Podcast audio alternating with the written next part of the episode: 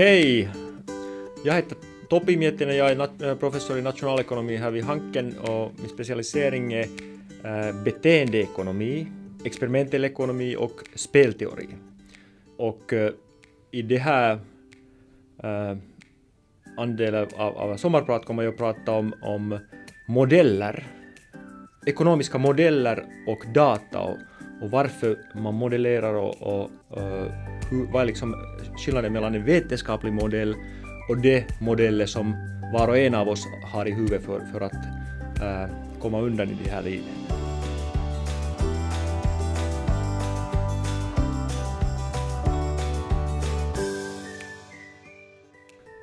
Världen är förstås riktigt komplex och mångsidig och, och vi behöver på något sätt kunna organisera de här samband mellan olika variabler eller olika saker och ting här på planeten på något sätt. Och då behöver vi modeller. Var och en behöver någon, någon slags modell.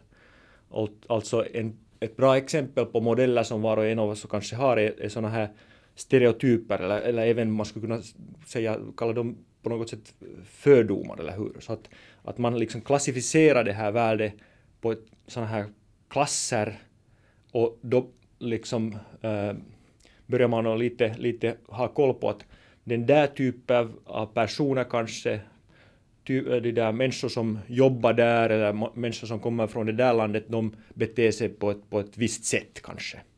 På likadant sätt som man kan tala om USA, vi europeer, vi, vi har ganska starka åsikter om, om uh, hurdana amerikanerna är.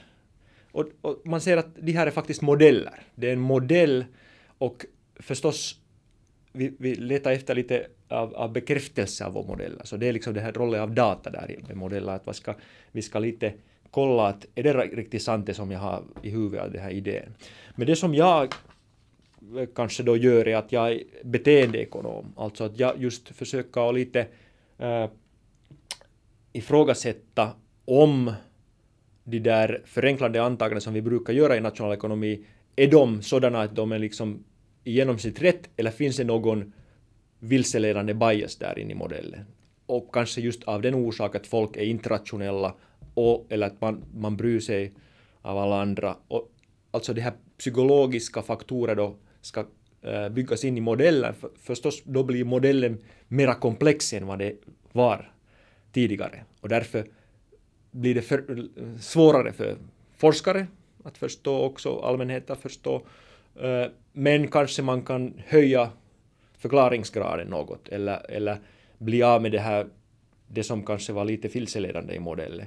Men att det finns ju en bekostnad i och med att, att modellen har blivit mera komplex. Men låt mig gå tillbaka till kanske exempel och, och det där uh, det här verkligheten där vi lever i och, och kanske fundera på till exempel um, butiker till exempel K-kedjan eller S-kedjan. De säljer varor, saker och ting. Och vi vet redan att, att eh, förr i tiden det var så att, att de där olika eh, butiker hade lite olika sortiment och eh, kanske även lite olika priser. Alltså idén med dem var just precis den här, den här idén att, att folk som bor i olika delar av landet eller stan, det finns liksom någonting i genomsnittet av den befolkningen, den delen av, av, av staden, som gör att man ska kanske lite differentiera det sortimenten eller prissättningen och allt möjligt. Uh, uh, och så har man en, e, egentligen butiken har en, en eller kedjan har en, en enkel modell av verkligheten som du försöker dag, dagligen lite kolla att stämmer det eller inte.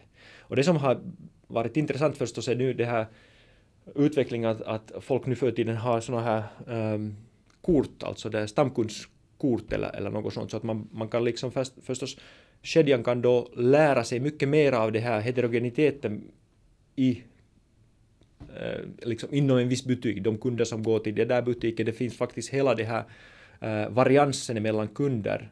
Och då kan man börja lite ha en här mera komplex modell och kanske prissätta, försöka prissätta lite olika baserat på vad är kund, eh, kundens bakgrund eller vad vi har sett att, att vad för slags eh, Eh, beteende det finns i bakgrunden. Alltså det här är ett bra exempel av att, att hur man kan liksom i praktiken använda så här mera komplexa modeller för att höja förklaringsgraden och kanske också öka vinster eller, eller, eller eh, kund, det där, eh, hur, hur nöjda kunderna är och, och, och, så vidare. Och då, det som vi också gör, och det är lite relaterat till det, min specialisering är det här experimentell ekonomi, alltså att butiken kan också köra sådana här experiment lite, att, att erbjuda olika um, uh, kanske rabatt eller, eller som är personifierade på sätt och vis, att, att beroende på vad, hur man har agerat tidigare så har man skickat en, en e-mail eller en erbjudande eller något uh, och försöker kanske kolla att hur den här kunden eller kundtypen reagerar då man höjer priset eller uh, sänker priset. Alltså då talar man om, om priskänsligheten i en viss kundgrupp och det här är förstås någonting som är, är viktigt för till exempel vinstmaximerings eh, ehm, så att säga, att, alltså att de kunder som, har, som är mindre priskänsliga, om man kan höja priser hos dem, så kan man få högre vinster. Och den här prisdifferentieringen det är förstås en, en viktig del av vinstmaximerings äh, det där, uppgift eller, eller, eller målet. Och det kan man göra bättre om man har bättre koll på de här, man har mera komplex modell så att säga, och man kan experimentera med sin modell genom att, att prissätta för olika kundgrupper och lära mera och mera om, av de här olika kundgrupper inom den här komplexa modellen. Och det som förstås man kan ta liksom, sätta på det här hattet, att vinstmaximeringshattet av, av den här forskaren är nu på mig. Jag tar den av och sätter på det här samhälleliga äh, äh ska man säga, samhälleliga äh, forskarshatten. Och då ska man ställa frågan att äh, hur ska man kanske, äh, vad för slags konsument och, äh, och konkurrenspolitik ska man genomföra för att äh, det här konkurrensen mellan företag ska leda till samhälleligt så bra utfall som möjligt. Och då förstås man måste fundera på att är det här prisdiskriminering som kommer att hända, är det bra eller dåligt för kunderna och för samhället, för, för företag, för, för kunderna och för samhället överlag? Och då, då förstås till exempel sådana aspekter som den här, den här äh, beteendeekonomi kommer in. Alltså att det kan finnas kunder som till exempel om, om godisar finns inte i kassan som de köper allt för mycket godis, de har svårt att liksom äh, Eh, kontrollera sig själva och då hamnar de och köper allt för många godisar. Det finns en viss kundgrupp som kanske är sånt. Att om, man, om om företaget pri, eller, eller maximerar vinster så kanske de sätter godisar vid, vid kassan.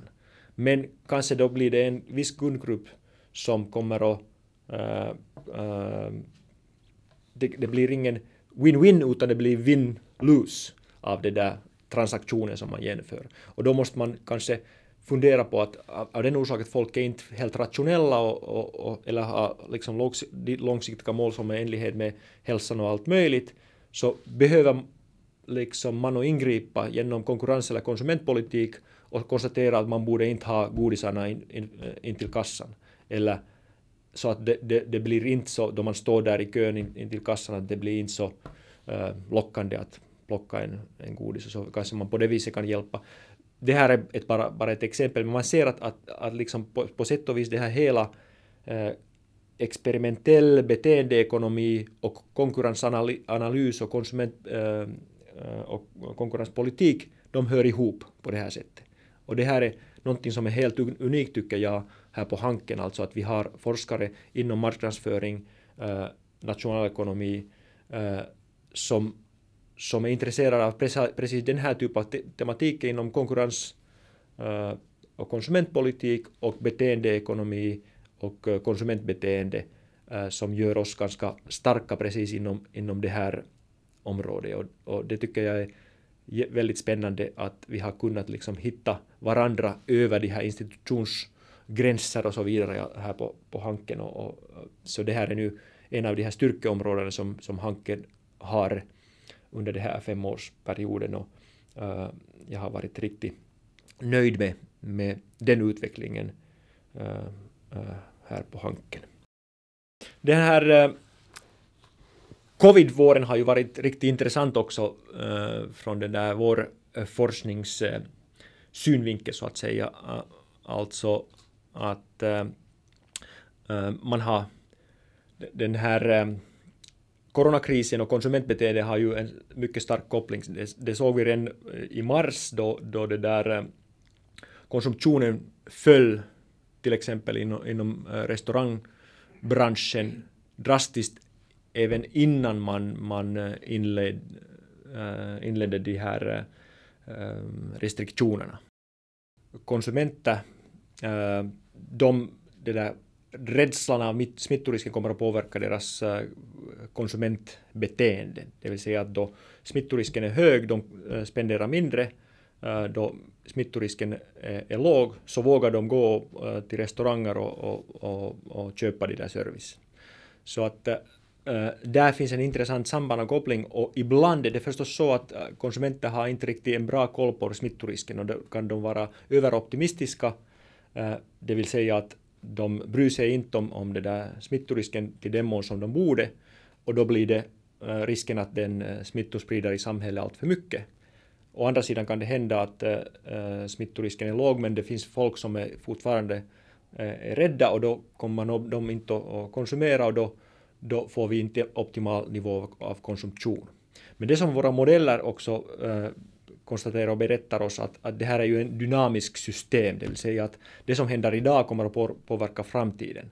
Och då är det förstås från konsumentperspektivet det som är intressant här är att, att A, å ena sidan finns det en koppling mellan eh, mitt beteende och det som händer till dig. Det vill säga att då jag går till restaurangen och bryr inte mig och, uh, helt vad jag gör och då kan jag uh, smitta liksom de andra kunderna som finns där. Det är liksom det här negativa externaliteten, det vill säga negativa effekterna av mitt, liksom, transaktioner mellan mig och restaurangen på alla andra som finns i restaurangen och därmed på alla andra eh, i framtiden om jag kommer att smitta någon annan och det blir en kedja, eh, smittokedja i samhället och vi har det inte mera i, i, kontroll det hela i samhället och då kommer det innebära att i framtiden eh, konsumtionsnivåer kommer vara riktigt låga av den orsak att smittorisken är så hög och folk eh, reagerar. Och den här negativa externaliteten, alltså det är någonting som en självisk konsument inte tar eh, helt i beaktande. Och där finns liksom det här motstridigheten med, med, självintressen och samhälleliga intressen.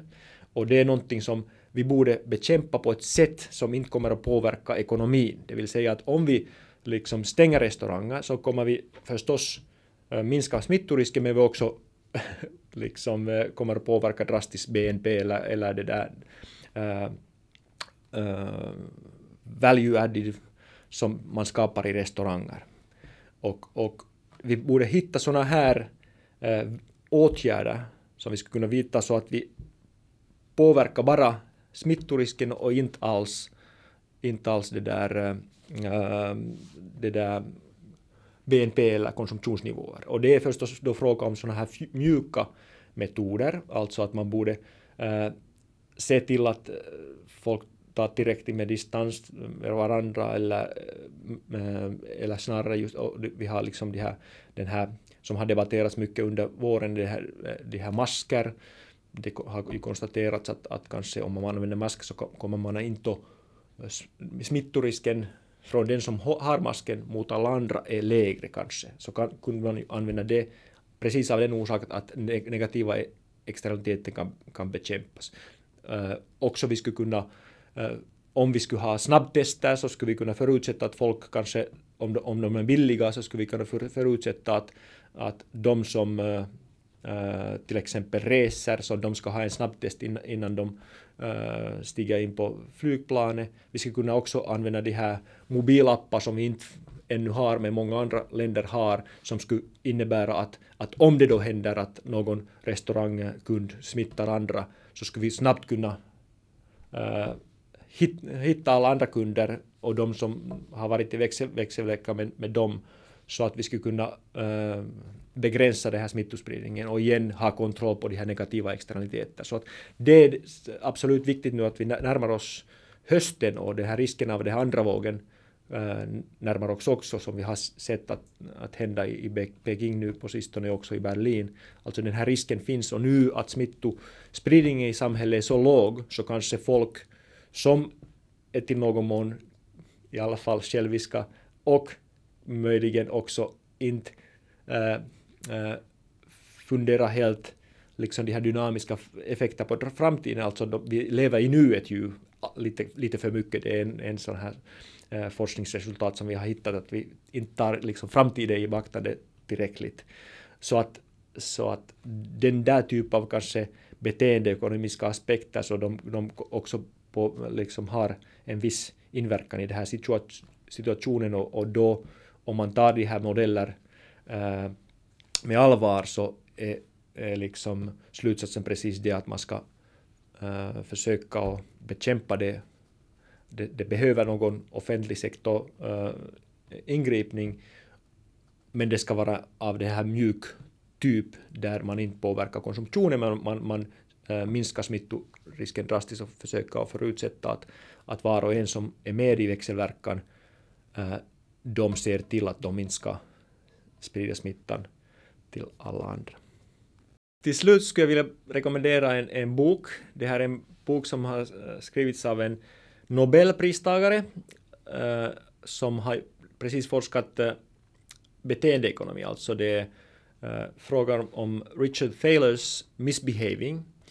Eh, jag skulle säga en liten varning kanske att jag tycker att den boken är lite för kritisk mot eh, det där vanliga eh, nationalekonomi. Jag tycker att, att, att de där beteendeekonomi och vanlig nationalekonomi, de är ju riktigt komplementära från min synvinkel.